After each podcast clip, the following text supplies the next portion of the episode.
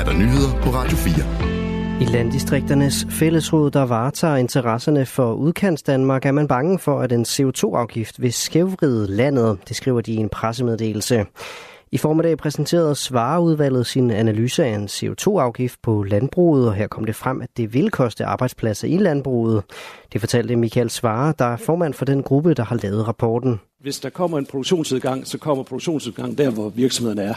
Og det er selvfølgelig nogle steder, der er flere landbrug i Vestjylland og på Bornholm, end der er i Nordsjælland. Så det vil sige, det vil ramme dem hårdere. Men, siger han, det rammer måske ikke helt så hårdt, som man kunne frygte. I rapporten har de nemlig også kigget på, hvor meget landbruget udgør af den lokale økonomi. Der er det omkring det sted, hvor det er højst, omkring 1% af den samlede værdiskabelse i de steder, hvor det betyder mest. Så det vil sige, selv om, altså, så det er klart, der vil være det her geografiske, og, og, og det kan godt betyde noget for beskæftigelse lokalt, men der, hvor det er størst, der er den samlede del af landbrugets bidrag, det primære del af landbruget til, til værdiskabelse, den er omkring 1%.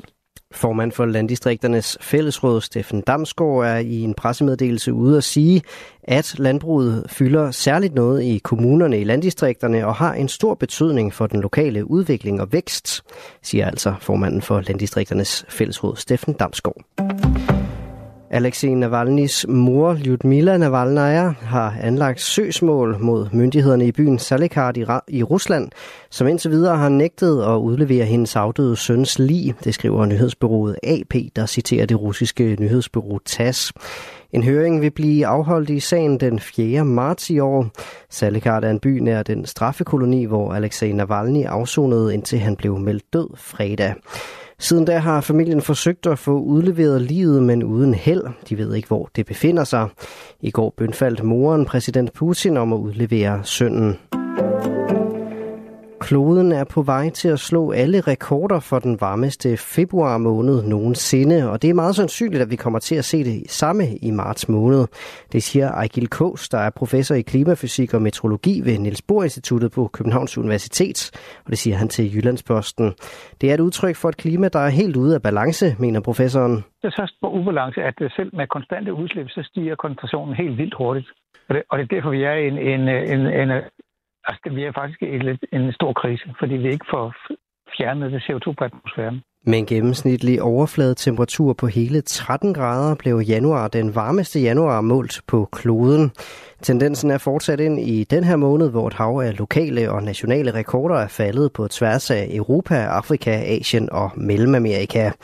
I Sydeuropa har flere skisportsteder manglet sne i højsæsonen, mens Marokko i Nordafrika har haft tørke og hedebølge, som har forvandlet vinteren til sommer og givet helt usædvanlige temperaturer på over 35 grader. Det er totalt vanvid i Marokko, lød det i sidste uge fra den selvstændige klimatolog og vejrhistoriker Maximiliano Herrera, som i årvis har holdt regnskab med diverse vejrrekorder.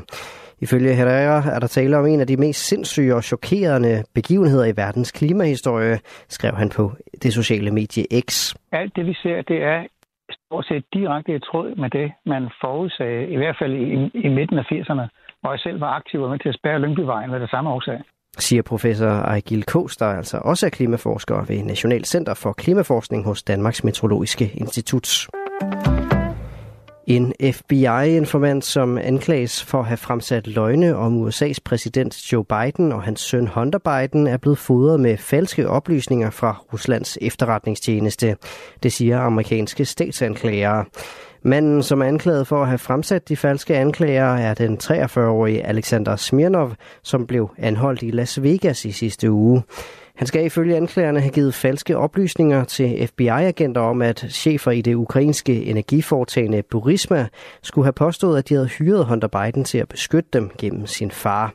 Smirnov har ifølge anklagerne også lovet om, at Burisma-cheferne skal have betalt omkring 35 millioner kroner hver til Joe Biden og Hunter Biden, mens Joe Biden var vicepræsident.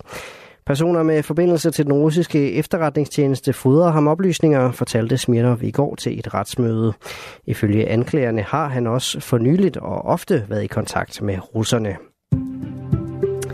Skyet og diset hver i dag. Temperaturer op mellem 5 og 9 grader og let til frisk vind omkring vest. Ved kysterne stedvis hård vind. Det var nyhederne her på Radio 4 med Asbjørn Møller.